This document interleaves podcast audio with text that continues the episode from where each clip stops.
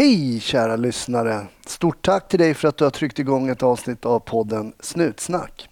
Jag som håller i spakarna heter Hasse Brontén. Och faktum är att även dagens gäst håller i spakarna på sitt jobb. Marcus som du snart ska få lyssna på jobbar nämligen som polis och helikopterpilot. Mm, efter den smidiga radioövergången så påminner jag än en gång om Snutsnacks livepodd den 2 maj i Stockholm. Istället för en biokväll så tycker jag att du ska hänga med oss på Intiman.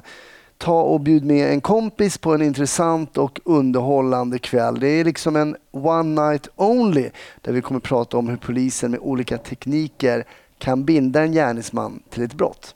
Stämmer allt i CSI? När började det här med kriminalteknik egentligen och vad kan det komma för spännande hjälpmedel i framtiden? Jag har bjudit in två experter på blodspår, spårsökning och UV-ljus. Anna Jinghede och Jens Ulander kommer också.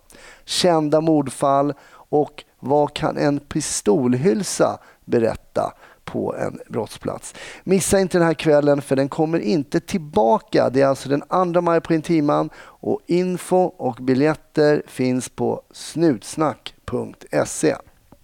Och glöm för guds skull inte Snutsnack på Facebook heller. Mig hittar du på sociala medier under mitt namn. Okej, ha nu en riktigt trevlig lyssning och var försiktiga där ute. 1310 570 kom. 1310 Odengatan kom. Ja, det är uppfattat. Vi tar det. Slut. Bra. Klart slut. Ja, jag säger varmt välkommen till Snutsnack Marcus. Tackar. Du har varnat mig här för att du är norrlänning och inte pratar, men jag märker nog att du är en av få som har tagit talets gåva. Du kommer nog få dra orden nu med, jag tror det. Långsamt och så vidare. Nej, det ska säkert gå bra. Jag, tror- jag tror att det blir bra. Vi sitter nu på um, Radisson Hotel Arlanda. Mm. För det är nämligen så att du är inte um, boendes i Stockholm annars. Nej, det är 100 mil norröver då. Uppe i Boden faktiskt. I Boden. Uh, har varit nere här på en, vad ska man kalla det, en konferens. Uh, en Barents Rescue-övning, en stor övning som kommer att vara till hösten. Där Sverige är värd. Med hela Barentsregionen med Sverige, Norge, Finland och Ryssland. Vad är det för övning? Nästan Ja, det är egentligen. MSB som, som håller i den övningen med polis. Ja, precis. alltså. Myndigheten för samhällsskydd och beredskap som håller den övningen. Eh, grunden är egentligen den gamla eh, Murmanskområdet när, när liksom Sovjet föll, om man säger. Mhm. Eh, och allt som kunde bli problem med det, med kärnvapen och allt möjligt sånt. Så skulle man ha en beredskap för att kunna hjälpas åt. Men det har väl utvecklats till att bli en krissamarbete mellan de nordiska länderna och Ryssland. Okej, så vilka är det som är här på den här konferensen? Ja, här nere nu egentligen samlas vi i Stockholm för att det, det är ju hela polisen är ju inblandad i det. Eh, på den nivån att ja, det är egentligen den största, eller den enda övningen man övar mellan myndigheterna inom Sverige också. MSB tillsammans med Länsstyrelsen tillsammans med polisen och så vidare. Mhm. Och sen så har vi då både sjukvården och eh, räddningstjänsten med på det också.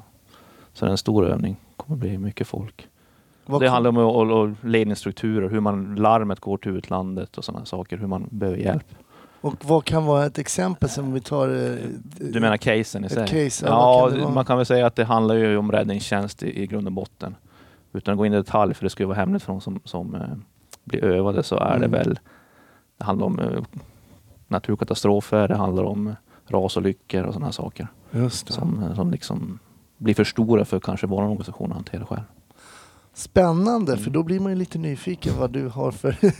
vad, vad, vad, vilken spelpjäs du är i det här sammanhanget. För att Ja. eh, vi har haft lite kontakt, eh, vi har mejlat fram och tillbaka så jag försöker Mm. hitta en tid och, och, och ses och sådär. För att... Vad jobbar du med inom polisen? Jag är eh, baseringschef på en av polisflygens baseringar uppe i Boden. Och tillika då pilot eller flygförare på, på helikopter. Ja. Vi har haft en pilot tidigare i, i podden här som började jobba som polis och sen såg ett, ett anslag liksom pilot sådär. Tänker man Ja. det här för någonting? Och så blev det pilot av honom. Men hur kommer det sig att du är eh, pilot hos polisen idag? Jag började min bana i Försvarsmakten faktiskt. Mm. Och eh, efter värnplikten ska man säga då, som jag gjorde i slutet på 90-talet så, så sökte jag till flygförare i Försvarsmakten. Mm. Eh, kom in där och gick eh, utbildningen. Var klar 01 och sommar 01 med min utbildning och började på förbandet uppe i Boden och flyga. Och flög där fram till eh, 05 egentligen. Gick kaptenskursen då och då var försvar, försvarsbeslut 04 gjordes samtidigt. Då kom man ju fram till att en massa förband skulle läggas ner. Det var ju nedrustning i hela, hela världen då kanske mer eller mindre. Mm. Läget är ett annat idag. Men det innebar i alla fall att mitt förband lades ner och jag skulle flytta på mig. Jag var den yngre kadern som inte riktigt eh, fick plats på. Man flyttade delar av det här till Kallax då, i Luleå. Just det.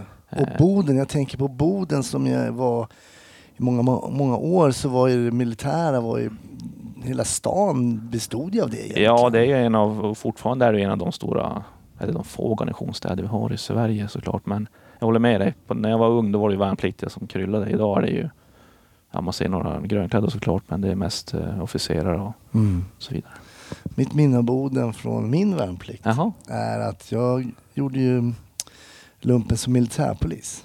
Aha. Och då skickade de upp oss då när folk skulle mu- mucka där uppe i Boden och ta hand om alla väringar som, som söp och eh, i med muck och sådär. Och då fick vi åka runt på de olika regementen och hämta folk som var lite överförfriskade och, och så vidare. Jag kommer väl ihåg det själv när jag muckade.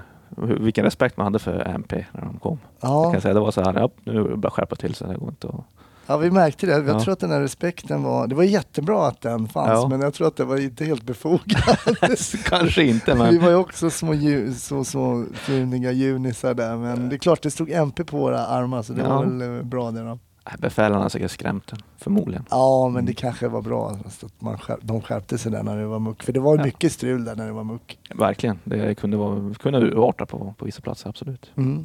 Men okej, då kom det här försvarsbeslutet då, Ja. 04 och eh, det läggs ner. Och vad tänker du då? Du hade väl du hade en tjänst då som eh, pilot helt enkelt? Precis, ja, jag hade tjänst som pilot och skulle väl egentligen tillbaka till eh, flygkompaniet där jag, där jag var placerad då, Mm. Var var det någonstans då? i, i Boden. Ja, det var det Ja, också. det var ja. Eh, och eh, ja, eftersom vi blev ett nedläggningsförband så då, då ska jag få plats då och visa sen till slut då i Ronneby. Jag var nere på, på resa med min eh, dåvarande sambo också. Vi, vi var egentligen beredda på att flytta dit. Mm. För det var det allting som fanns och flyga ville jag fortsätta med och så vidare. Eh, men samtidigt så frågade faktiskt eh, personalchefen på helikopterflottiljen. Flottiljen var placerad då i Ronneby, Säve, Linköping, alltså utspridd då, Berga och Boden. Och man la ner både Berga, Boden och eh, Säve i det här försvarsbeslutet. Mm. Eh, och det skulle bli en övertalighet på flygförare helt enkelt, trodde man. Facit har visat sig att det var inte alls sanningen, men, men då trodde man det i alla fall. Och eh, man frågade polisen om det fanns ett behov. För tidigare har polisen köpt utbildning av Försvarsmakten. Alltså man hade elev, polisiära elever i försvarets flygutbildning. Mm. Eh, men det ändrade man när man fick egen flygskola någon gång där i, jag tror det var i början på 90-talet. Eh, så har man egen utbildning. Men då tänkte man, vi är ju sprungna ur samma, samma nivå. Vi har liksom samma krav på, på de vi vill ta in och så vidare. Så att det skulle gå att göra en, en omställningsutbildning för de här. Så göra dem från militär till polis. Okej. Vilket eh, det vart ju en stor, eftersom försvarsbeslutet beslutet, eh, gällde hela Försvarsmakten. Eh, så var det många officerare som ja, var tvungna att flytta på sig eller förbandet lade ner på orten man var tvungen att flytta väldigt långt. Valde man istället för att nyttja då Trygghetsstiftelsens hjälp för att liksom ställa om sitt liv. Vilket man har rätt till som statligt anställd. Mm. Och det vart då 98 stycken om jag inte minns fel i, uppdelat i Stockholm och Växjö på skolan Mm. distanskurs. Eh, Vi läste från september 05 till mars 07. Hoppade över jullov och sådana saker. Utan det var ett, ett, Men hur var flow. den tanken då? Så, "Ha, nu håller jag på att bli plugga till polis här plötsligt. För det är nästan som att ja, det kommer lite plötsligt här ändå fatta beslut om det. Det är klart Ja. det är frivilligt men jag Ja, menar, ja, jag förstår vad du tänker. Att liksom man hade ju en, en karriärinriktning Mm. från början. mm. I mitt fall så hade jag mycket väl kunnat vara polis som jag inte hade blivit militär. Jag hade gärna sökt spår. Min morfar var polis och Ja, okej. jag tycker väl jag hade ganska god inblick i, i vad det innebar. Mm. Eh, och jag tvekade inte en sekund när, när liksom erbjudandet kom så, så visste jag också vad det polisiära yrket eh, innebär och framförallt vad det flygande yrket i polisen innebär. Mm. Men vad tänkte du om det här att plugga på distans då liksom till polis? När jag hörde det första gången, vilket i och för sig är många år sedan, så blev jag till man kan inte plugga till polis. Hermodskurs. Nej, Ja, precis. Och så brev liksom hem. precis. Och, absolut, det fanns ju en farhåga där. Att ska jag sitta hemma nu och läsa in allt det här själv och bara för att tenta av? Men så var inte verkligheten. Nej, hur var det då? Det var väldigt bra ska jag säga. Vi var en basgrupp då i, i Norrbotten.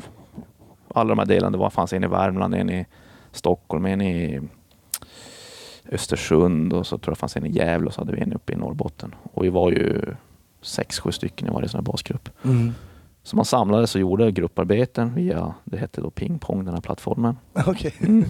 Och sen skulle man göra alla de här studiebesöken till exempel på socialtjänsten eller så vidare. Allt sånt gjorde vi lokalt. Mm. Så ganska stort egenansvar. Nu var ju de flesta av oss var ju lite äldre så var, man var ju inte direkt efter gymnasiet utan de flesta var ju runt 30 ska jag säga. Mm.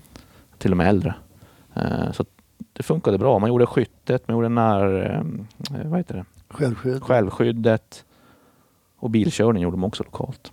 Mm. Och sen så får man ner, jag tror det var ungefär var sjätte vecka, tentade, körde lite på lagtorget och så startade man upp en ny kurs. Och så gick det på, sådär liksom under den här tiden. Men visste du då att du skulle få en tjänst som pilot?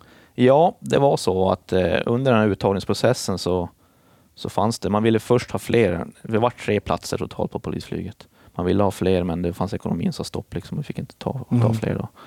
Eh, så när jag hade gjort vanliga testen till polis så var det ett extra förfarande då med polisflygets representanter och facket och så vidare Mm. som höll intervjuer med de som hade certifikat från Försvarsmakten. Mm. Liksom, de fick inte komma utan papper. För i polisen så behöver man ha vanliga civila certifikat för att flyga. Just det. Eh, och det hade jag då. Så jag sökte där och så hade jag tur att få, få en plats av de där tre. Då. Men du kände under den här tiden då när du utbildade till polisen så äh, jag får nog släppa den här helikoptern alltså. Det jag ska nog vara ute och bara köra Volvo och blått. Och vid ett tillfälle, men det var egentligen mitt sista pass på aspiranten. Mhm. Då kände jag så. Det, det är en tragisk grej i sig, men eh, fyra kollegor omkom från Försvarsmakten Okej. i eh, haveri nere i Ryd. Eh, Blekinge då 2007 på hösten. Okej. Och då kände jag att ska man hålla på med det här? I en helikopterolycka då eller? Ja, det var två helikoptrar som krockade i luften och jag kände ju allihop väldigt bra och två av dem var ju mina kursare så det var ju som, Oj. som bröder så det, det satte spår. Men eh, vad ska man säga om det? Den polisiära hjälpen är stor. Mm. Alltså där, där verkar man verkligen vilka kollegor man har och, runt omkring sig. Just det. Otroligt styrkande även fast det liksom är tragiskt. Det kunde lika gärna vara jag som satt där i liksom, om jag hade Ja. åkt ner dit ner. Så att det finns mycket tankar som går runt det där. Som amatör inom flyg Ja. så en spontan fråga som dyker upp så här, hur krockar två helikoptrar? Alltså det är inte Mm. som att man möts i korsningar. Nej. Eller, alltså det är, Nej, precis. Jag förstår frågan. Eh, Militärt så flyger man ju formerat eller grupperat för att vara ett, ja, en signatur på radarn istället för att det ska vara flera. Alltså det har liksom med taktiken att göra i det militära. jag förstår. Mm. Eh, Just att flyga formerat, man flyger nära varandra. Det är alltså två rotordiametrar mellan, mellan helikoptrarna. Vi pratar 20 meter då. Och ska den ena följa den andra. Eh, svårt att visa med händerna på radio här. Mm. Men, men eh, någonstans har de kommit för nära varandra. Någonstans har de gjort något som de ska göra och slagit ihop egentligen i luften med, med rotorerna. Och det får ju konsekvenser som ödesdigra. De separerar mer eller mindre i luften. Just. Mm. Och jag har, vad jag har förstått också när jag pratar med Thomas att oftast när det sker olyckor med um, helikoptrar så är det den mänskliga faktorn som... Ja, det, det är, jag ska säga 99 fall av 100 så har det med det att göra. Mm. någonstans har det felat. Det kan ju vara ett tekniskt fel såklart, men någonstans kan, beror det oftast på ett mänskligt faktor redan innan. Att man har monterat fel detalj eller man har glömt göra någon åtgärd som, Mm. som gör att eh, det är den mänskliga faktorn. För oss som inte har eh, kunskapen att flyga en helikopter eller Mm. ett flygplan eller något sånt, men hur svårt är det att manövrera en helikopter? Om du jämför med bil då till exempel. Jag har ju körkort och tycker att backa med släp till exempel är väldigt svårt. Jag förstår. men, Jag, kommer ihåg när man började övningsköra när man var 16 då i mitt fall. Eh, hur svårt det var att hålla ratten rakt när man ska växla från början. Man ville gärna svänga samtidigt som man drog i växelspaken. Ja, just det. En Ja. klassiker. Så ja. Eh, om man förstärker det, ja, jag kan inte säga hur många gånger, men det gör att det är avancerat. Så fort det rör ett av organen som det har alltså styrspak, Mm. det är den ena, stigspak där man liksom är mer eller mindre gasen och så har du pedaler där du liksom håller riktning med nosen. Rör du ett av de här äh, organen så måste du kompensera med de andra två för att hålla samma plats. Just För det blir sekundärverkan i den här äh, rotorn man har. Det blir som ett gyro nästan. Eller det blir ett gyro. Ja. Eh, så att, och det där från början, det måste man ju tänka, som att cykla, måste tänka på. Och balansen, hur ska jag svänga här? Och så vidare. Och så vidare. Till slut så börjar det sätta sig i ryggraden och man agerar liksom utan att tänka. Just det, jag var på någon kick-off någon gång när vi körde bilar. Eh, men när du svängde höger så gick Aha. vänster. Omöjligt. Det är helt otroligt fast Ja. du vet Ja. Att när du svänger nu, när jag nu svänger vänster så kommer jag svänga höger. Men det, hjärnan fattar inte. Nej, alltså. nej det, det är omöjligt. Så det är så har min bild varit ungefär att flyga helikopter. Att det måste, man måste ställa om liksom tänket lite grann Ja. på hur man... eh, Ja, de säger om du har en varm sked som är upp och nervänd och sen smörklick där på ska du försöka balansera smörklicken på skeden. ja, de, som, det, okej. de som nu pratar om det. Men jag, jag flög ju faktiskt flygplan före jag flög helikopter. Okej. Eh, när jag gick utbildningen i försvaret så började vi så i några års tid nere i Ljungbyhed. Mm. Man var inte expert på något sätt men jag tyckte ändå jag kunde hantera flygplanet efter 50-60 timmar. Okej. Och sen kom på helikopter och det var som att sparka undan fötterna på honom. Tänkte det här kommer jag aldrig lära mig. Aldrig. Aha. Men det tar en 10-15 timmar med, med lärare. Man får ju hålla i styrspaken bara då och försöka hålla platsen. Och, och så får man bygga dem på under tiden där. Och till slut så alltså håller man sig inom en fotbollsplan i alla fall. det svajar lite. Ja, precis. Och utan flyglärare hade man varit i backen för länge sedan. Under det där stadiet, absolut. Alltså i början så behöver man ha sån dubbelkommando. Ja, exakt. Absolut. Det, det behövs nog fler gånger än så också. Ja. När man kör nödträning också med flyglärare. De är duktiga på det här, väldigt duktiga. Hur många timmar har du i dagsläget? Ja, nog ganska precis 3000 alldeles snart. Ja. Och det är också gränsen för att bli vit pilot som man säger. Vit pilot? Ja. Vad är det för någonting? Eh, Det finns tre steg. Från början när man är röd pilot, det är upp till 800 timmars erfarenhet. Då är man alltså ganska oerfaren och risken är ganska stor på, ja, om man nu ska säga, om man ska söka ett jobb civilt så, så är det sällan man kan få ett jobb när man är ganska oerfaren. Okej. Efter det så, så blir man grön pilot och i vårt fall så, så har man bättre väderminima, eller sämre väderminima om man säger det. Man får flyga i sämre väder Okej. ju mer erfaren man är. Och kommer man över vit eh, gränsen som är 3000 och då, eh, då har man egentligen ingen begränsning. Då är det upp till befälhavaren att bestämma att är det här värt att flyga på eller inte. Och är det liksom Okej. bollandet där. Och det är då det högsta vit? Ja, precis. Sen flyger vi i ett enpilotsystem vilket gör att det, man får ju ändå liksom, det är bara du och dig själv där. Flyger Mm. man som ambulansen som har två pilot, då finns det en annan tanke där hur man delar upp ja, arbetet i cockpit och så vidare. Just Allt det. från navigering till hinder till flygningen och så vidare. Mm. Här får man göra det själv i huvudsak. Vi har ju operatörer med oss som hjälper till att navigera men, men själva jobbet i cockpit är flygningen, den är pilotens ansvar. Just det. Bra, lite info kring eh, själva känslan att vara pilot och de här stegen kände jag inte heller till med vit Nej. Nej men det är internationella Mm. gränser ska jag säga. Ja. Men då blir du helt enkelt eh, på distans färdigutbildad eh, polis. Precis. Och gick, gick du direkt då till eh, polisflyget? Då, då skulle jag ju ner till Göteborg och bli placerad i Göteborg var tanken. Det fanns ingen plats för mig då uppe i Boden där, där jag är ifrån. Mhm. Eh, och det, det köpte jag med hull och hår för jag visste att nästa pensionsomgång är om fem år så att jag får säkert komma upp då om jag vill det. Så jag drog ner hela familjen och allt ner till Göteborg. Eh, gjorde min aspiranttid, för den ska ju liksom vara som om var aspiranttid. Just det. Eh, Alingsås. Mhm. Mycket bra tid måste jag säga, otroligt bra. Oj då. Hade förmånen av en väldigt förstående och bra handledare Mm. som jag måste få tacka så här om man nu skulle lyssna på det här. Eh, vi lyckades till och med fixa så jag fick vara på piketen ett par veckor. Ett par veckor på trafiken inne på Skådar och ett par veckor på hundenheten. Så jag fick liksom en lite bredare bild då. Mm. Men det var ju för att jag efter de här aspiranttiden så skulle jag upp till flyget direkt. Just det. Eh, så nej, mycket, mycket bra tid, mycket bra kollegor där nere. Och, ja. Hur viktigt är det för en helikopterpilot Mm. som i det här fallet, som du som går ganska direkt till helikoptern, att ha kunskap om till exempel piketen och de olika enheterna när du är där uppe, att veta hur de jobbar? Ja, jag, jag tycker det är grundläggande och det är ju också ett, ett av de stora argumenten det att det ska vara poliser, vi som flyger. Vi ska inte vara en civilpilot man här in. Det är väl som att säga att varför ska man ha en taxichaufför som kör polisbilen och så kan polis sitta bredvid. Vi är fortfarande patrull och kollegor i luften och framförallt uppe i norra Sverige. Där, där agerar man som polis och landar ute och, och på det sättet som en vanlig ordningspatrull. Mm. Mm, Det är väl kanske det korta svaret på den frågan. Just det. Ja. Men hur länge är du i Göteborg sen då? Mm. Jag flyttade ner mm, i mars 2007. Hinner köpa ett hus där mitt i sommaren och hinner riva ut och renovera och sen flyttade jag vid nyår upp igen. För då eh, visade det sig då att en kollega uppifrån Stockholm, eller från eh, Norrland, vi flyttade ner till Göteborg, eh, Stockholm. Okej. Så det finns en plats ledig där då. Och vi har inte hunnit rota oss riktigt och sådär så att ja. Det, det är bara att ta den chansen då. Mm. Så att då, då var det upp igen. Back to the roots. Ja, precis.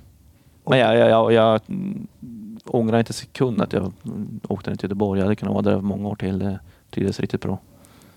För jag kan tänka mig, hann du jobba där som pilot också?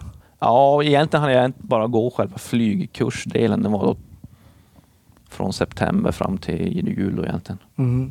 Så, att, så att jag hann inte riktigt vara ute i verksamheten så mycket. Då var man med på något pass och sådär. Vi var ju på samma basering som flygskolan ligger där, där, där själva basen i Göteborg är. Så det var ju mycket dialog och man vet ju vad, vad, vad jobbet gick ut på på det sättet. Absolut. Spontant så tänker man kanske, ja det måste skilja sig oerhört att jobba som pilot, polispilot i Göteborg eller Boden. Mm. Men det är ju, man behöver inte flyga så länge innan det blir skog även utanför Göteborg va? Det är sant. De har ju framförallt norrut där uppe mot Värmland och där, där finns det ju mycket ödemark också. Mm. Absolut. Men å andra sidan så har de också väldigt mycket händelsestyrd verksamhet. Kanske inte lika mycket som Stockholm, men nästan. Mm. Så att eh, det, det, det är jobbet över stan är ju inte riktigt våran vardag uppe i Norrland. Nej, så det, det, det visste vi har sådana case också, men inte, vi kan inte åka ut och, och ligga och hugga på, på händelsestyrd verksamhet Nej. liksom från luften, utan vi, vi har mycket planerad verksamhet liksom med kollegor ute i hela polisområdet. Sen blir det en, det händelsestyrda som skiljer sig hos oss, det är fjällräddningsbiten som, som är polisiär. Och sen har vi eh, LSO, eftersök av de försvunna. Eh, Den är också stor hos oss. Mm. Där uppe, så, ja. Lätt att gå vilse där uppe. ja, och det finns alldeles för många som inte har utbildning eller utrustning när de är i fjällvärlden. Ja, just det. Det låter som en klassiker. En 08 som ska upp och fjällvandra. Ja, men det finns många bra 08 också som har väldigt bra utrustning så att man ska inte dra dem över en kam. Nej, Eller, precis. Nej, jag är ju 08 själv så Ja. jag får väl säga att jag vet att det finns några okej också. ja. Så är det ju. Då kommer du upp och jobbar. Hur ser en dag ut hos dig idag som Mm. eh, polisiär liksom, helikopterpilot? Hur ser det ut hos dig? i din, din vardag? Liksom? Ja, vi, vi bemannar ju någon form av tvåskift kan man säga. Dag eller kvällspass. Så länge det inte kommer in en, en beställning om att vi ska göra ett nattpass. Något speciellt, någon, någon kommendering av slag. Mm. Eh, så man, man kommer till jobbet, om i mitt fall då, om jag jobbar dagpass, kommer dit, ser till att helikoptern är i ordning. Det ska göras daglig tillsyn på den, vilket vi har hjälp av med tekniker under veckodagarna, men på helgen så gör pil- piloten det själv. Man genomför det här, man eh, pratar med, med NLC i vart fall, alltså ledningscentralen på, på NOA, Okej. nationella operativa avdelningen, som är våran förman och som är, håller i vår uppföljning. Och vi är en nationell resurs på polisflyget. Vi tillhör inte polisområdet utan vi tillhör centralt eh, NOA. Mm. Vilket gör att det är de som ska prioritera oss om det är flera olika polisområden som, som behöver vår hjälp. Jag tänker på när man gick polishögskolan då så var det väldigt noga med det här kontroll före körning. Mm. Och man skulle ju kolla då att blinkers fungerade, man skulle testa bromsarna och det var det ena med det fjärde. Jag tänker mig att det kanske är lite viktigare också med, med helikoptern, att det just är allting funkar med mekanik och allting sånt där. Gör man en, en sån dålig tillsyn, vilket man ska göra seriöst, så det tar ju en 45 minuter alltså gå igenom alla detaljer. Det är oljor som ska tittas på, det är alla lampor ska testas. Och, Det tar så pass Men, ja, tid. alltså om man nu verkligen ska belysa varenda del som, som, Mm. som ska tittas på. Eh, vilket gör att, ja men det har ju med flygsäkerhet att göra i grund och botten. Mm. Eh, och, och det måste göras. Sen gör vi en kontroll före varje start också. Jag är ute, ute och gör en massa landningar ute, ute i terrängen på ett jobb. Så före varje gång jag startar så jag, går jag runt helikoptern och kollar oljenivåer och hur stjärtroten ser ut och sådana saker. Mm. Att ingenting är öppet eller något har fastnat eller något ser trasigt ut. Men vet du vad du ska göra då när du kommit, när du kommer till jobbet? Vet, du till exempel vad som kommer hända då eller? Ja, det beror lite på. Vi har ju som sagt en planering och säg att om vi ser över årets sett så ska jag säga uppe hos oss har vi kanske hälften av dagarna planerade med en verksamhet där vi ska, jag ska åka till eh, Arjeplog och jobba med en kollega där och fara och till exempel kontrollera alla nödtelefoner som funkar inför säsongen eller att vi ska få bevaka något förbudsområde där man vet, har fått indikationer på att det finns ja, verksamhet som inte ska vara där.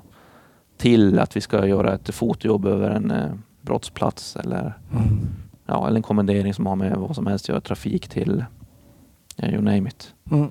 Så det kan vara styrt? Det kan vara väldigt, ja, vi är väl kanske lite unikt där uppe hos oss för vi har, vi har ett sådant samarbete. Vi hugger inte, vi kan inte leva på de händelsestyrda jobben om man säger så. Nej, jag fattar. Utan då, då blir det för mycket stand och, och vi är ändå till för vi har inget eget intresse eller eget uppdrag. Nej. Vi ska ju stödja svensk polis, det är vårt uppdrag i polisflyget. Så om ni bara skulle sitta och vänta på något anrop att vi behöver, det är någon som har gjort något personrån eller något så Ja. kan det dröja en, en bit mellan varven. Ja, det kan det göra, men, men eh, nu gillar ju alla vi som är där, vill vara där och gillar att jobba så att man skannar ju alla ordertaggrupper och så vidare. Så att Mm. man, man hugger på jobb själv också. Det är så det ska fungera. Men är de på marken, jag tänker Boden, man kanske inte det första man tänker på är helikoptern. Skulle de kunna försöka ropa på er oftare? Absolut. Ja, och det, det här försöker vi hålla i någon form av dialog. Alla i området är ju välkomna till oss på deras APT. Och jag åker gärna ut och... Vad är APT då? Ja, för förlåt. något? Eh, arbetsplatsträffar. Nu heter det AMM, arbetsmiljömöte tror jag. Ah, okej. Eh, där man ska liksom prata om sådana saker och Mm. utveckla verks verksamheten. Och det, det vill vi verkligen vara en del av. Men man, man kan göra det under ett år och sen tror man att nu funkar det här. Men det byts ju så mycket folk så att man måste hålla det levande hela tiden. För jag kan tänka mig, det är väl som folk, så, så, när folk ringer en på mobilen och säger så här, tjena stör jag? Nej, då hade jag inte svarat. Nej. Eh, det är helt okej, vi kör. Och det är väl lite så man ropar kanske på om någon har stuckit, kanske man har någon jag där. Så, men kolla helikoptern, ah, Ja. den fanns. Då är det ju Ja. fantastiskt. Men kan ni inte så kan ni inte. Precis, och vi säger det finns ju inget jobb som är för litet för oss. Vi, vi är ju lika väl poliser som alla andra. Mm. Det behöver inte liksom vara eh, automatkarbiner inblandat för att vi ska behöva starta. Utan Nej. vi åker på en vinglig färd.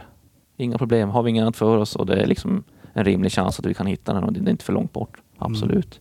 Ja, coolt. Så att, eh, Då hör ni det alla poliser som är ute att det kan finnas en ledig helikopter. Det, det är, kanske inte alltid är så. Men nej, det, men, men man kan alltid kolla. man kan alltid en kolla.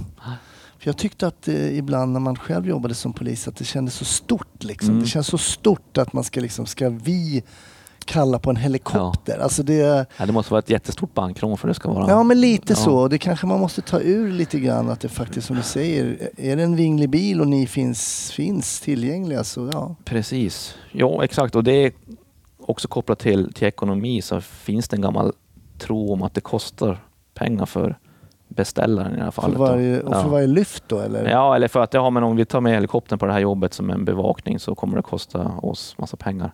Nu har det väl börjat tvättas bort, men, men det här, vi har ju helt egen budget och vi ska liksom leverera flygtid till Mm. polisen i det de har behov av. Hur mycket bensin drar en helikopter egentligen? Eh, Eller är det diesel? Ja, det är en form av diesel, det heter flygfotogen, en lite torrare version av diesel. Våran maskin drar ju, säger 270-280 liter i timmen. Okej. Så eh, det blir ju, om man ligger med en full, full eh, karriär, så vi kan vara uppe en två och en halv, tre timmar ungefär. Okej.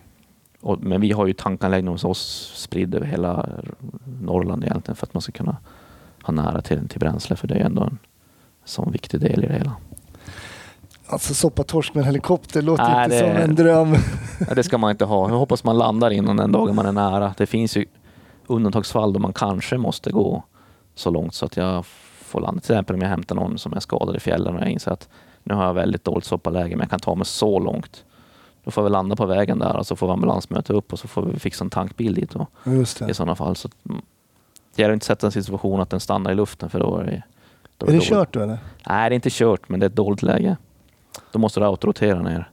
Eh, och det gör man ju inte sådär. Bedöma. Det är inte populärt hos flygchef och sånt om man säger nej men jag tänkte jag chansar på en autorotation. Och när du säger autorotation, är det alltså att, att trycket får, alltså Precis. lufttrycket får det hålla dig kvar då så att säga? Precis, när man flyger med, med power on som man säger, som motorerna driver, då Mm. går luftströmmen ovanför rotorn, genom rotorn, rotorn och förbi kroppen så att säga, på helikoptern Mm. och driver helikoptern framåt. Vilket gör att man har bladvinkeln åt, åt det hållet så den driver åt det hållet. Eh, skulle du tappa motorn, att den skär ihop eller någonting, så finns det ett frihjul mellan växellådan som sitter under rotorn och motorn som frikopplar. Så det Mm. inte ens ska bromsa rotorn så att säga. Just det. Eh, det man gör då och måste göra då är att minska den här bladvinkeln på bladen. för att du ska kunna få luften som går underifrån när du väl börjar falla, att trycka rotorn runt. Det. Minskar du inte vinkeln av bladen så blir den för tung att driva runt och då kommer du tappa det varvet och till slut så blir det en fallande sten. Du kan aldrig rädda det. Men är du med snabbt där och sänker eh, stigspaken, alltså minskar bladvinkeln, då, då kommer du kunna få en autorotation ner. Och då faller du med 10 meter per sekund, lite snett neråt framåt. Är det skog så är det skog, är det hav så är det hav. Eh, Har du tur är det en äng. Men alltså 10 meter per sekund, det Ja. är ju fort alltså. Det är fort och slår du med det i backen så då ska du ha tur om du överlever. Men så länge du har det varvet kvar i rotorn så kommer du kunna nyttja det på slutet. Alltså bromsa upp ditt ditt fall. Okej, för, att ja, just det, Ja. för att få mer vinkel och då bromsa. Precis, då bromsar du upp det men du har ju bara den chansen på det. Gör du det för högt, ja, då kommer du falla sen. Då har du tagit ut varvet. Så du har liksom får bedöma det på slutet. Och det tränar man rätt mycket på, framförallt under grundutbildning. Ja, man gör det. Har du hört någon eller pratat med någon som har gjort det någon gång? Ja, herregud. Det, det blir ju mer och mer ovanligt kan man väl säga, för nu det blir säkrare och säkrare system så att säga. Men Mm. för, första chefen uppe i Boden, Mm. Ture Reinholdt som startade basering på 60-talet, han har gjort det tre gånger skarpt. Tre gånger? Mm. Så att det, det säger en del om, om hur, hur vanligt det var förr. Ja, just det. Nu har vi ju två mo- motorer i den här maskinen så att, att det ska hända säger de är väldigt osannolikt att båda stannar. Men- Autorotation. Mm, Då har vi lärt oss eh, någonting nytt. precis. Marcus, jag brukar ju alltid be någon ta med en story till podden Mm. eh, som är lite sådär som man har kvar i minnet. Ja, precis. Har du, har du Ja, för- jag har ju några olika där? här. Jag är inte riktigt bestämt för vilket jag ska ta, men det ska ju vara något flygrelaterat tycker jag. Mm. Och eh, om vi kan ta två snabba då, så, så tar bra. jag två olika här. Det går bra. Eh, det ena, det, det ena det var det mitt första skarpa vinschuppdrag med helikopter. Vi, vi är en plattform som kan vinscha över land och Mm. samverkar mycket med en alpin fjällensgrupp. Alltså de, de är bergsjätter alla de där. Har ju selar på sig och hänger i berg och räddar folk som liksom klättrar fast. Man släpper alltså ner en person som eh, i sin tur räddar en annan. Precis. Om det är någon som sitter fast på, på en bergväg någonstans som inte är en vanlig svensk som kan gå och hjälpa eller, eller en vanlig fjällräddare så behöver man ha en alpinist där som Mm. kan säkra sig och klättra i berg till exempel. Just det. De samarbetar vi med på det sättet att eh, vi tränar vinschning med dem. Vi har en metodik för hur vi ska göra det säkert och så vidare. Och på helikoptern har vi då en vinsch som, som har 90 meters vajer. Mm. Och så har vi en metodik som, som eh, man gör för man får ut de här räddningsmännen som kan ta hand om patienterna och sen åker man in och hämtar dem och vinschar upp dem. Det är lång vajer, 90 Ja, och meter. det är väldigt lång vajer. Men det har att göra med att om det är en väldigt brant eh, sida ska man kunna stå här uppe i alla fall utan att roten ska slå i bergväggen. Jag förstår. Ja. Så att, men normal, normal höjden ska jag säga är 30-40 meter Mm. som man, som man vinschar på. Det handlar om att man ska ha referenserna från, som, som pilot också. Och ni övar då med de här alpinisterna? Ja, regelbundet. Mm. Mm. Och det, det är ett måste för att vi ska kunna liksom hålla det ajour. Det är regelverket för flygverksamhet ställer också krav på att vi måste träna sådana här förmågor. Mm. Ja, inom 90 dagar ska alla ha gjort det, annars så, så får man inte flyga skarpt. Okej. Men den här caset i alla fall, det var... Jag hade precis blivit klar vinschoperatör, för vi piloter är också vinschoperatörer och står i dörren Ja. och sköter. Så sitter man fast med en sele i, i taket och så står man och sköter vinschen ståendes på skidden utomhus, utanför helikoptern. Jaha, på Ja. själva där man landar på helt Ja, enkelt. Det precis. kallas för skid alltså. Jajamensan. Mm. Eh, och eh, jag var för grön, alltså för ung för att få gå pilotdelen. Man börjar med, med, med liksom vinschdelen, eh, vinschoperatörsdelen. Eh, hade precis varit uppe i Kiruna på eh, ett, eh, en övning som vi har varje år med alpina fjällräddningen. Då vi liksom utgår från Kebnekaise fjällstation och så övar vi. Mm. Eh, hade vi åkt hem därifrån på kvällen och eh, vad säger, hur blev det? Jo, så kom jag hem, eh, röstade av maskinen på den tiden, förra helikoptern vi hade. Den eh, kunde vi inte ha alla grejer på samtidigt. Man fick välja kameran eller vinschen för det vägde för mycket annars. Jaha. Så vi tar av vinschen, på med kameran och allt det där. Åker hem och lägger mig och sover och så mitt i natten så ringer telefonen då. Larmet går. Eh, fallolycka på Kebne. En borta. Jaha. Och eh, till jobbet, rusta på maskinen. Allt det där som vi nyss hade tagit av. Och jag ber mig upp till, till Så av med Kiruna. kameran och på med vinschen. då. Precis. Och det, för en ensam som jag så tar det väl kanske en timme åt varje håll att göra det där jobbet. Man ska med traversen upp med, för den väger ju 80-90 kilo och sådana Just saker. det. Eh, Så alltså traversen i garage, eller i, I hangaren. i hangaren heter Precis. inte garaget. ja men det är ungefär samma sak, lite större bara. Ja. Eh, I alla fall kommer upp dit, hämtar våran vinsch. Jo just det, nej men jag var pilot i det här fallet. Mm. Eh, våran vinschoperatör som idag är anställd av oss, men han jobbade ute i, i vanliga myndigheten då. Och vi åker till platsen eh, på Kebnekaise. Kanonfint väder, alltså strålande sol. Eh, och det visade sig då att eh, man var ju två i ett sällskap som har klättrat upp på toppen Mm. och den, eh, den ena har ramlat ner, ruschat över en, en hängdriva och försvunnit. Oj. Och den andra killen har sprungit ner då i panik och försökt söka hjälp. Eh, och kommer ner till färdstationen och där blir, går ju larmet. Då. När vi kommer till platsen, vi har ändå en framkörningsflygsträcka på en timme också, så det är säkert tre timmar efter larm innan vi är på plats i, på Kebnekaise färstation så, så har redan flera alpinister flugit ut med en civilmaskin till platsen. Det är ju kanske 7-8 minuters flygning från där de civila maskinerna står till den här platsen Mm. och lokaliserat den här um, avliden då som det är på, på en glaciär. Ja, personen är avliden? Ja, han har ju alltså ruschat ut för ett par hundra meters stup och slagit i massa klippor och ligger på um, en glaciär då. Okej. Eh, och eh, väldigt brant glaciär. Det är liksom ingenting man går på sådär jättegärna. Alpinisterna har ju är duktiga på det med sprickor och sånt där. Men, men det slutar i alla fall med att vi, vi ska försöka vinscha upp den här kroppen och vad det, vad det gäller. Mm. Eh, många svåra, svåra beslut eh, blir det. Det är inne som en liten gryta så att man har inte horisonten att se på någonstans. Alltså som pilot tänker då. Var, vart ligger liksom plana läget, liksom Just det. horisonten. Ja, är det där? Allting lutar lite grann. Eh, normalt sett så har man alltid en, en himmel någonstans att kunna titta på men det här var liksom inne i, inne i en gryta helt enkelt med bergväg åt de flesta håll. Okej. Eh, Var det du som flög då? ja, det var jag som flög då Mm. Och operatören här då var med mig. Men, men någonstans så, så får vi till en metodik som, som man gör ju massa rekvarv först för att titta att känns det här lämpligt? Är vi nöjda med det här? Har vi effekt för att stå här eller kommer vi tappa effekten när vi liksom lyfter upp 100 kilo till? Alltså en sån bedömning gör man och ett eh, väldigt bra samarbete mellan operatören där bak i eh, piloten och även eh, räddningsmännen är med i den här diskussionen. Vad händer om vi får ett motorbortfall och massa sådana saker? Det. För du nämnde ju då att du fick byta ut äh, vinschen, eller sätta dit vinschen, ta bort Ja. kameran. Ja. Och sen ska ni lyfta upp en person då, kanske 100 kilo och ytterligare en person. Alltså det- hur mycket, det verkar som att det är ganska viktkänsligt där då Det- ändå. Det är ju det. Så en helikopter eh, är ju tyvärr så, i alla fall den i den här klassen som vi har, som vi säger under 3,5 ton. Det är en balansgång mellan last, bränsle och utrustning. Mm. Du kan aldrig ha fullt av allt, för då är du för tung. Då Mm. kommer du inte iväg, utan du måste laborera med det här. Eh, ha så pass lite bränsle så att du eh, har mer, ju mer effekt du har, ju tryggare känner du när du står där. Alltså. Mer gas du har kvar att ge om det ska hända någonting och ta dig iväg och så här saker. Men då är det ju den här grytan Mm. nu då. Ni har gjort de här säkerhetsbedömningarna då helt enkelt. Precis Du så. kan eller? Ja, jajamän, de kommer fram- fram till att ja, men det, här, det här kan vi genomföra.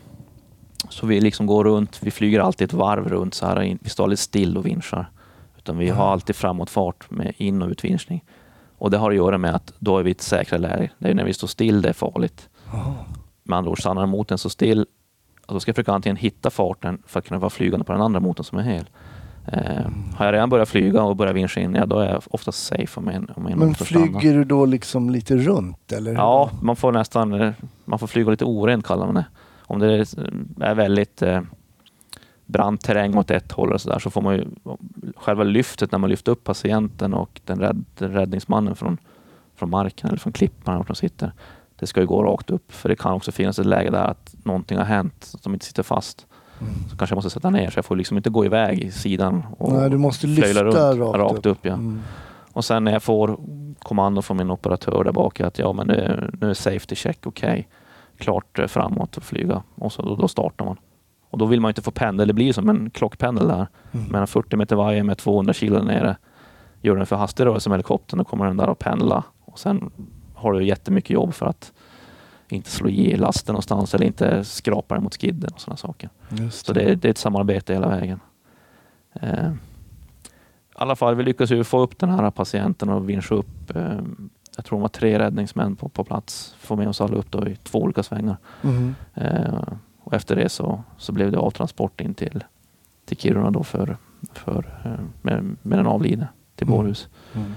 Tragiskt, otroligt tragiskt och liksom under de förutsättningarna också kanonväder och så vidare. Det visade sig att en av dem hade gjort lumpen på de var K4 eller I22 hade varit där uppe och det var liksom en, en grabbresa på det sättet. Men, Mm. mm. Hur är den känslan då när man vet att den som man ändå ska vincha upp redan är Mm. avliden? Det, det blir ju en vördnadsgrej. Liksom. Man, man, man ser ju liksom till respekten för den avlidna och det, det är otroligt viktigt. Vi, vi hämtar ju otroligt många avlidna människor i obygden för ja, det förstår ju logistiken med att hämta någon som inte är efter farbar väg. Mm. Vilket gör att man, har, man, är, man är rätt van det faktiskt, det måste jag säga. Mm. Eh, så det blir en normal bild, men man vill ju liksom göra det värdigt. Mm. Och, och eh, det tycker jag vi är bra på. Mm. Vi har ju med oss egna liksäckar och sådana saker som vi liksom gör det, paketerar på plats. Vi visiterar ingenting utan det gör man sen på bårhusen och ordningspatrull och så. Hur viktigt är det att, ehm, att en sån här person får komma upp Mm. i helikoptern och hem så att säga fast man inte lever längre. Jag menar det kan ju också finnas tillfällen där det kanske inte går att plocka upp en person. Man vet Precis. att den har ramlat ner här men Precis. ligger där nere. Hur viktigt Mm. är det att ändå få upp en person? Jag, jag tycker att det har att göra med, med någon form av anständighet och, och liksom frid för de anhöriga och allt det här. Och det, visst, det finns ingen räddningstjänst längre där egentligen enligt lagens eh, långa arm. Det, Mm. det är ju en, en likhämtning mer eller mindre. Visst, polisen har ansvaret för det när man inte liksom är i, i hemmet eller centralt till för över politi eller något liknande som gör det. Eh, så det är ju ingenting man, man vill offra sitt liv för just där och då, för det kan ju vänta om det är dåligt väder. Då kan vi kanske göra det imorgon eller dagen efter, för Mm. personen ligger ju där trots allt. Mm. Eh, men jag tycker det är viktigt att, att, att få hem det och få, få ett avslut. Hur konstaterar man i- vid, vid ett sånt här tillfälle att personen verkligen är Mm. avliden? Är det till exempel då höjden på fallet? Och för man, jag tänker man kanske inte kan kommunicera. Nej, jag förstår vad du menar. Eh, ja, vi får ju inte bedöma det. Det är ju en läkare som ska göra det, det jobbet så länge inte kroppen är förkolnad eller förruttnad eller huvudet är skilt. Och det är ju sällan det är så, som tur är. Mm. Eh, så att man gör ju först en bedömning. Finns det någon liv att rädda, då sätter man igång HLR såklart. Mm. I det här fallet så är ju våra räddningsmän eh, är ju utbildade, väldigt Mm. duktigt utbildade på, Mm. på ehm, ja, allt från enklare benbrott till, till livräddande åtgärder. Mm. Och det är de som sköter det helt enkelt. Där och då. Men de gör bedömningen. I det här fallet så var det så uppenbart så att det, det var, var inte det fanns liksom ingen tvekan. Nej. Men det är lite ironiskt här hur du beskriver den här fantastiskt vackra dagen Ja. vid Kebnekaise. Solen skiner Precis. och det är inte ingen blåst eller någonting men arbetsuppgifterna är då kanske inte lika eh, skinande på det sättet. Nej, precis. Och om man ska gå in på just den platsen så är det exakt samma plats som Hercules gick in i här för vad var det, 2013. Mm. Det norska flygplanet som precis där det här hände var det. Och alla delar låg på den här glaciären jag pratade om. Ja, det var så. Så, och då var det ju skitväder. Så det är det som är det är det som är så nyckfullt med fjällvärlden. Att Mm. ena dagen är det hur vackert och fint som helst och någon halvtimme senare kan det vara fullständigt livsfarligt. Mm. Så var försiktiga alla som planerar en Kebnekaise-tripp där. Ja, Ja. en väldigt intressant historia. Du hade en till, jag tycker vi tar den. Ja. Varför inte? Och då ska vi se då vilken jag ska ta. Ja, det är en lite kortare historia men ganska rolig tycker jag. Mm. Eh, vi har ju en eh, ungdomsanstalt i, i, i eh, Kalix. Mm. Eh, Johannesberg heter den.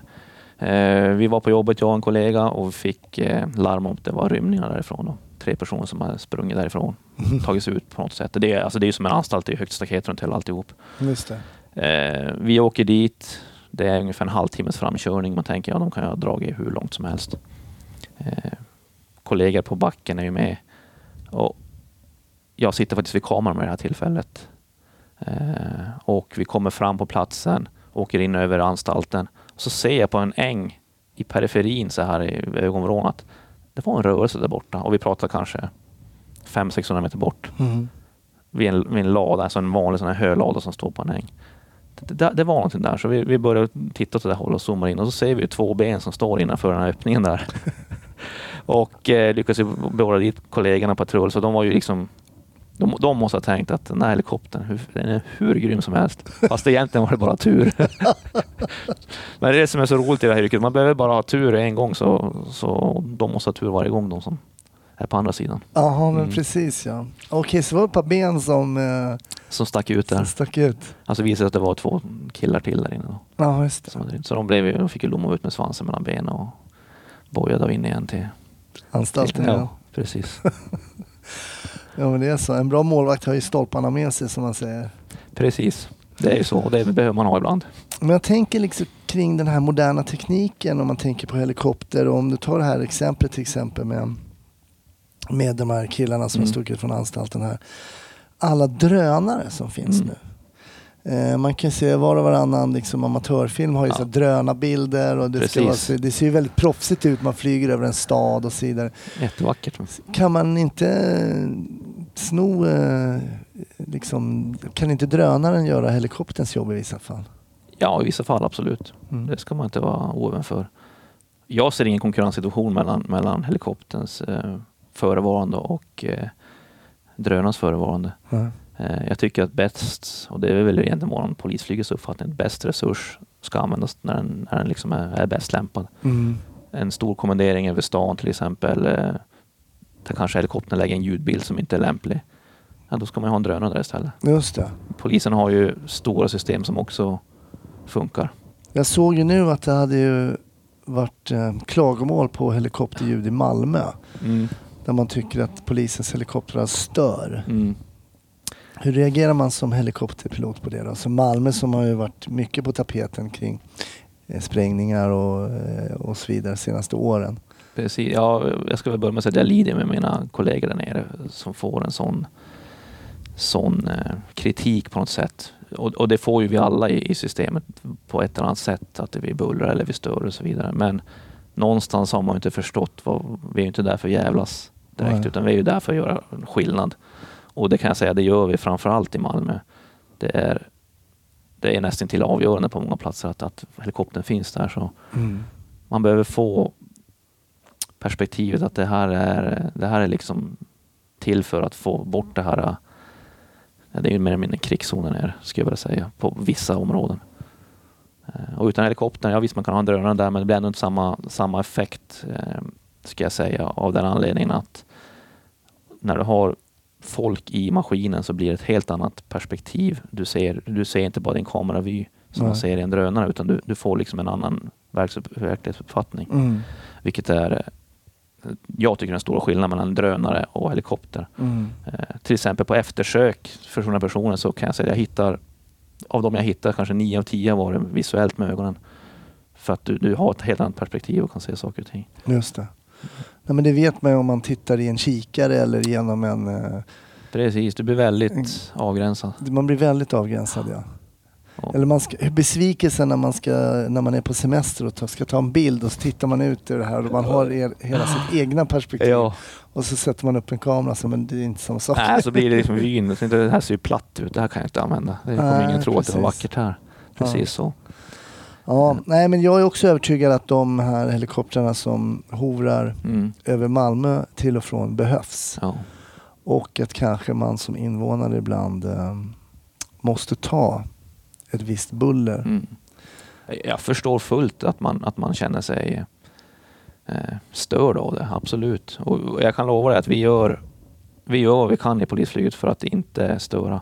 Vi, vi försöker hålla oss på vissa höjder, men ibland blir ju caset så att man måste bryta mot, jag ska inte säga bryta, man måste ändra eh, taktik. Mm. Eh, och då är frågan, tycker man det är viktigare att eh, lagföra den här som har skjutit någon precis eller tycker man det är viktigt att det är tyst? Alltså, någonstans där går balansgången. Mm. Jag har ju mitt svar klart för mig, men det kanske inte är, Vi är ju ändå styrda av riksdag och regering och svenska folket i grunden, så de, de får ju säga sitt då. Mm.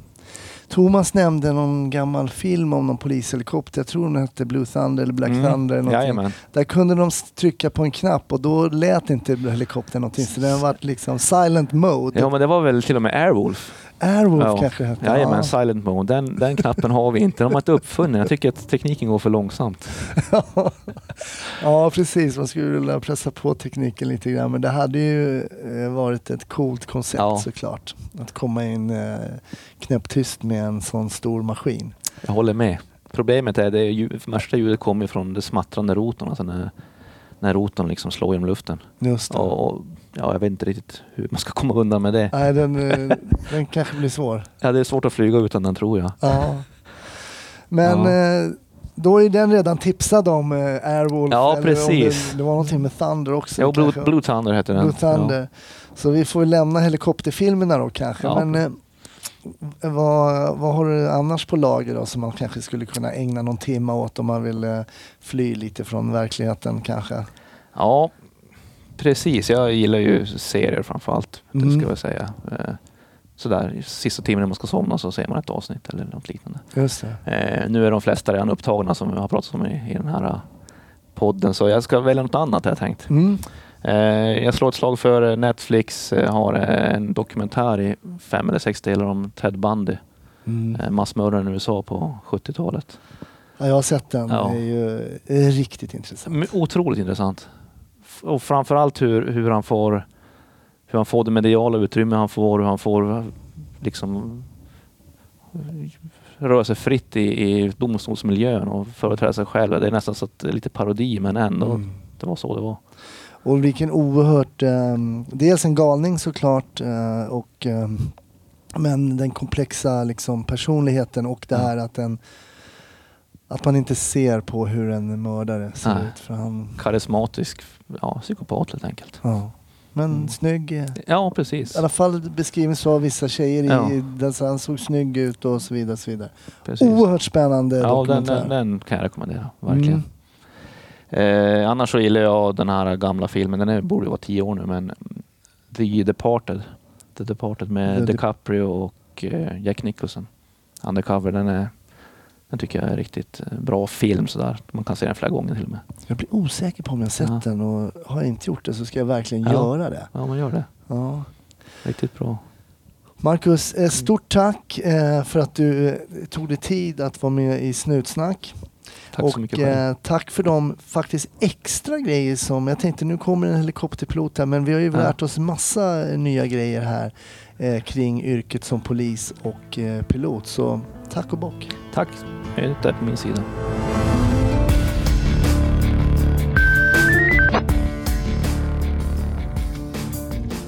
Kul att du har lyssnat ända hit. Guldstjärna till dig. Stort tack. I nästa vecka kommer ett väldigt intressant avsnitt. Glöm nu inte snutsnack.se och ha det fint så länge så hörs vi snart igen. Hej då!